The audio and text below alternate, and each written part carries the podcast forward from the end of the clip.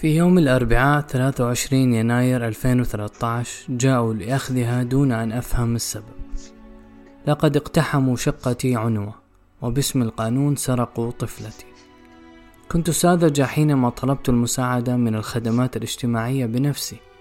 كنت قيد الفحص من قبل طبيب الأسنان على مدى السنوات القليلة الماضية حيث كان يحفر في الملغمات المحشوة في أسناني لمدة عامين. وكان الأمر في كل مرة يزداد سوءا.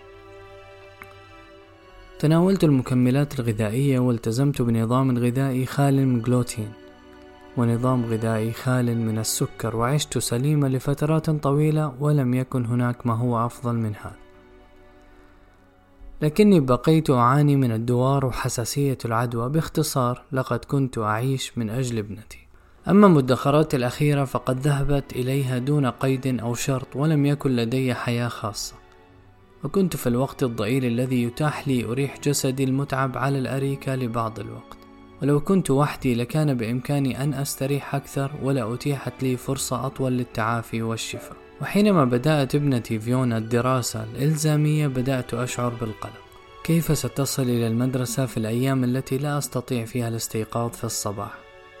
ومع أن المدرسة ليست بعيدة لكنني لا أجرؤ على تركها تذهب في الصباح بمفردها. ليس لأن طفلة تبلغ من العمر سبع عوام لا تستطيع المشي 200 متر إلى المدرسة إنما لأنها هي طفلتي الوحيد التي أخاف عليها وأفكر فيها لا سيما في ظل وجود رجال مرضى. وهنا ارتكبت خطأ جسيم حينما طلبت المساعدة من الخدمات الاجتماعية سوسيال. قبل خمسة أيام من بدء تناولي لفاكسين لعلاج قصور لدي في الغدة الدرقية. جاءت الخدمات الاجتماعية مع ضابطين من البوليس السري لأخذ طفلتي بعيدا عني بقرار فوري. فعملوني كإرهابية وبكت طفلتي قائلة لا أريد الذهاب إلى آنا كارين. أريد أن أكون مع أمي. آنا كارين هي الأم الجديدة التي قررها ال social. الحكاية من البداية كانت في خريف عام 2012 عندما منحت آنا كارين الإذن باستقبال ابنتي الجميلة كعائلة اتصال وسألت الخدمات الاجتماعية عما إذا كان من الممكن أن تكون فيونا الطفلة هناك. كنت على اتصال وثيق مع أنا كارين من خلال صديقة قبل بضع سنوات وبعدما انتقلوا إلى مزرعة التي تقع في الريف قدمت أنا كارين اقتراحا بأن تكون طفلتي فيونا هناك لبعض الأحيان في عطلة نهاية الأسبوع حتى أتمكن من أخذ قسط من الراحة لم تكن تلك هي المساعدة التي أردتها حقا. كنت بحاجة إلى مساعدة عملية هنا في المنزل مع ابنتي وليس إرسالها بعيدا عني. كان حلمي أن أعيش هكذا مع فيونا ابنتي بأن يكون لدينا مزرعة صغيرة بها حيوانات. والآن بعد أن لم تسمح لي صحتي بذلك اعتقدت أن فيونا يمكنها الخروج والتعامل مع الحيوانات والتعرف عليها عن قرب تماما كما فعلت وأنا طفل. وافقت أنا كارين الأم الجديدة ومنحونني رؤيتها مرة واحدة في الشهر. كنت سعيدة بذلك فقد ظننت أنه يمكنني الآن الخروج والنوم وقت ما أشاء. كان لفيونا أيضا والد لا يعيش معنا يأخذها أحيانا في عطلات نهاية الأسبوع التي لم يكن يعبث فيها بسيارته الكهربائية القديمة. اتضح لي فيما بعد. لأن أنا كارين كانت في حاجة ماسة إلى المال فحاولت هي وزوجها إنهاء عملهما في ستوكهولم وإيجاد حلول أخرى حتى يكونا دوما في المزرعة. حاولت أنا كارين زيادة وقت فيونا ابنتي هنا وجاءت لاصطحابها يوم الخميس بدلا من الجمعة مع تفسيرات مختلفة. أوضحت لي أنها كانت في طريقها إلى ستوكهولم وبإمكانها اصطحاب فيونا لأنها اشتاقت لها.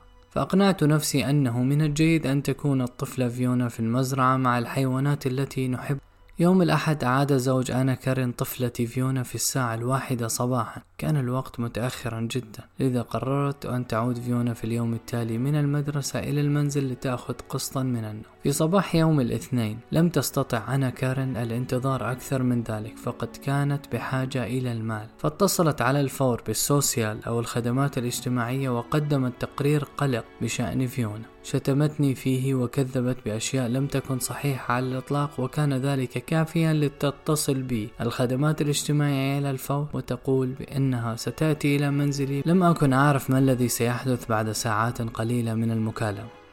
كنت أنا وفيونا ابنتي مستلقيتين على الأريكة أمام قناة الأطفال. نأكل سندويشات الشوكولاتة الساخنة عندما وصلت الخدمات الاجتماعية وقالوا سنأخذ فيونا حالا. تذكر كيف اقشعر بدني حينما أرادوا أخذ طفلتي ونقلها إلى أنا كارن لأجل غير مسمى.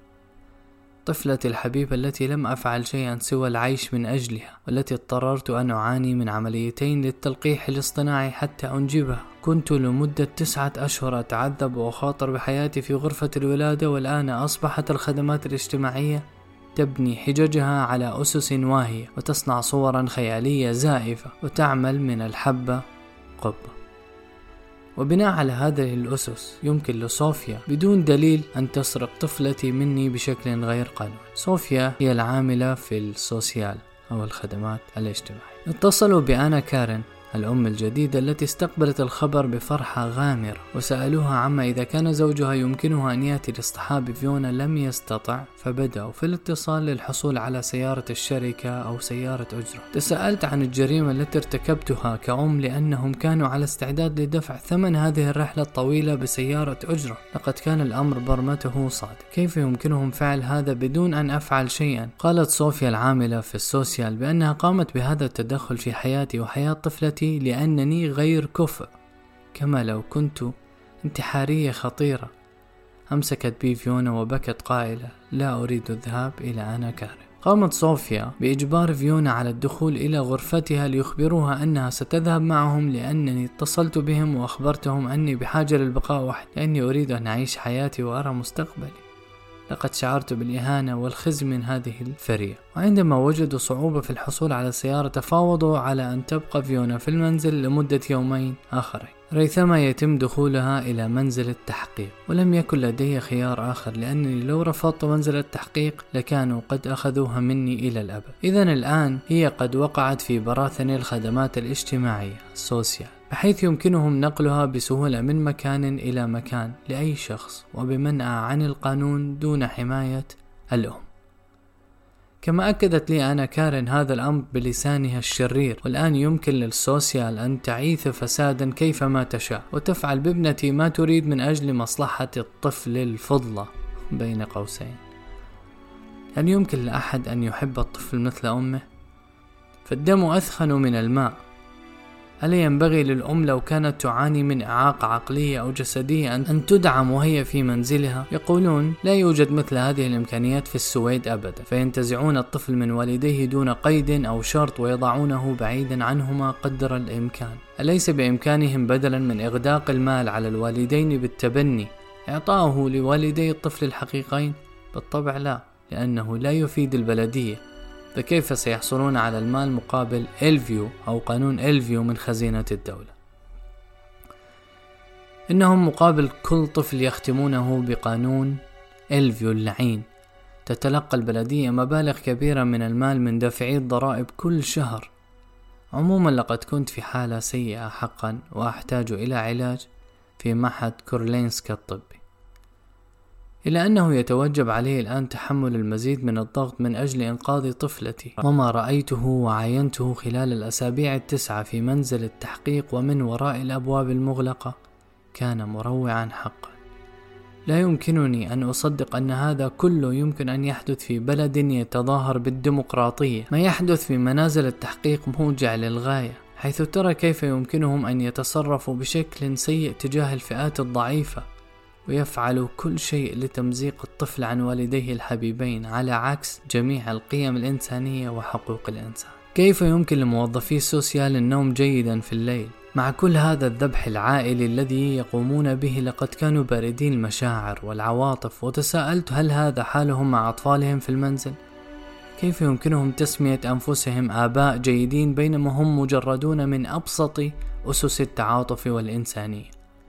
فإذا لم يعرفوا حتى ما هو جوهر الأمومة الحقيقية وما هي أواصر الحب الموجودة بين الأطفال وأمهاتهم كيف يمكن للمجتمع أن ينصبهم قضاة ليحكموا من ينبغي أن يكون والدا لطفل ومن لا ينبغي أن يكون؟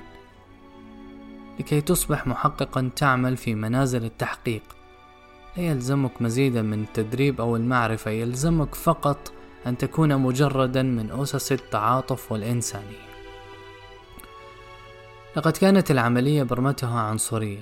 لقد تعاضدوا مع بعضهم البعض وفعلوا كل شيء للحفاظ على الوهم بأن منهجهم في التحقيق كان منهجا حقيقيا. كانت العملية أشبه بمسرحية ملابس الإمبراطور في القصة الخيالية ملابس الإمبراطور الجديد. ولقد تفاخروا بلوحة إعلانات أطلقوا عليها اسم BBIC وهي اختصار لعبارة المصالح الفضلى للأطفال في المركز. وراح الأخصائيون الاجتماعيون ينظرون بإعجاب إلى هذه اللوحة باهظة الثمن الخالية من المحتوى والتي كانت مجرد لعبة للعرض. هم أنفسهم لا يلتزمون بهذه الشعارات ولا غيرها من الشعارات البراقة الأخرى. لقد رفضوا تقديم الرعاية الطبية للأطفال الذين أصيبوا بأمراض واحتاجوا إلى رعاية طبية كما رفضوا أن يستمعوا للأطفال الذين بكوا وقالوا إنهم يريدون العودة إلى منازلهم وأمهاتهم ولا يريدون أن يحبسوا بمفردهم. بمفردهم في غرفة في برومسبرغز لكن قلوبهم لم تلن لبكاء الأطفال الذين أجبروا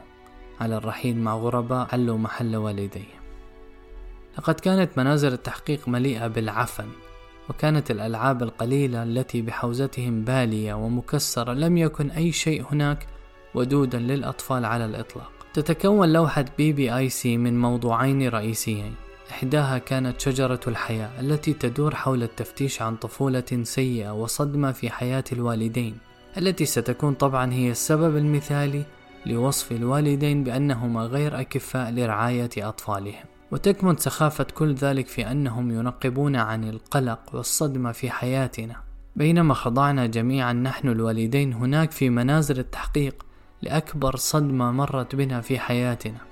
فقد وضعنا قصرا هناك وهددونا بأسوأ شيء يمكن أن يقوم به إنسان وهو خطف أطفال ونقلهم بعيدا وعدم السماح لنا بمعرفة مكانهم أو كيفية الحصول عليهم. كانت عبثية الموقف تتمثل في أنني لجأت إلى الخدمات الاجتماعية للمساعدة لأنني لا أجرؤ للسماح لفيونا بالسير لمسافة 200 متر إلى المدرسة. خوفا من أن يخطفها شخصا مريض. الآن الخدمات الاجتماعية نفسها تفعل بالضبط ما كنت أخشاه وأكثر. خطف طفلتي وبشكل قانوني جد. الموضوع الثاني اللعب بالدمى الخشبية الصغير فمن صندوق مليء بالدمى الخشبية المختلفة يقوم والد كل طفل بشكل منفصل بإخراج أمه وأبيه وعائلته وأصدقائه حتى يمكنهم أن يروا كيف كانت الظروف المحيطة بالطفل في عائلته. من الواضح أنهم يأخذون الجواب من الدمى الخشبية ولا يأخذونه منا شفهيا نحن الكبار. لقد تطلب الأمر دمى خشبية حتى يحصلوا على صورة لكل شيء من حولنا. على الرغم من أنني أخبرتهم بأن أمي كانت قريبة مني ونتصل ببعضنا البعض كل يوم إلا أن ذلك لم يكن كافيا. كان لديهم أساليبهم التي اتبعوها بدقة وبالتالي كان عليهم إظهارها من خلال التقاط دمية خشبية لسيدة مسنة ترمز إلى أمي ووضعتها على الطاولة بالقرب من الدمية التي تمثلني. أخبرتهم أن ابن عمي كان طبيبا لكني لم أقابله في حياتي. وأنه أجرى عملية جراحية في معصمي عندما كانت فيونا صغيرة. بالطبع لم يكن ذلك كافيا فالتقطت دمية خشبية مع معطف أبيض ترمز لابن عمي. ووضعتها بعيدا قليلا عن الدمية الخشبية التي تمثل لأننا لم نقضي الكثير من الوقت معا حتى يتحققوا بأني قد خضعت لتحقيق BBIC كان لديهم أيضا صندوق رملي يطلقون عليه بي أو إف يتم تصوير الوالدين وهما يلعبان في هذا الصندوق مع طفلهما سواء كان الطفل يبلغ أربع سنوات أو 16 سنة. إنهم لم يتمكنوا من رؤية التفاعل بطريقة أخرى غير هذه الطريقة. المهم لديهم أن يوجد مجرد صندوق رمل ويتم تصويره لأنهم يعجزون عن إصدار حكم علينا ونحن نعيش معا على مدار الساعة طوال أيام الأسبوع معهم ولأشهر متتالية. إن العملية برمتها ليست سوى خدعة وتحريض ضد الوالدين. كان لدينا نحن الوالدين شيء مشترك أيضا فقد عانينا جميعا من أشياء قد تكون سببت لنا بعض الأمراض في حياتنا. أما منزل التحقيق هذا فقد حصل على نصيب الأسد من مسببات المرض.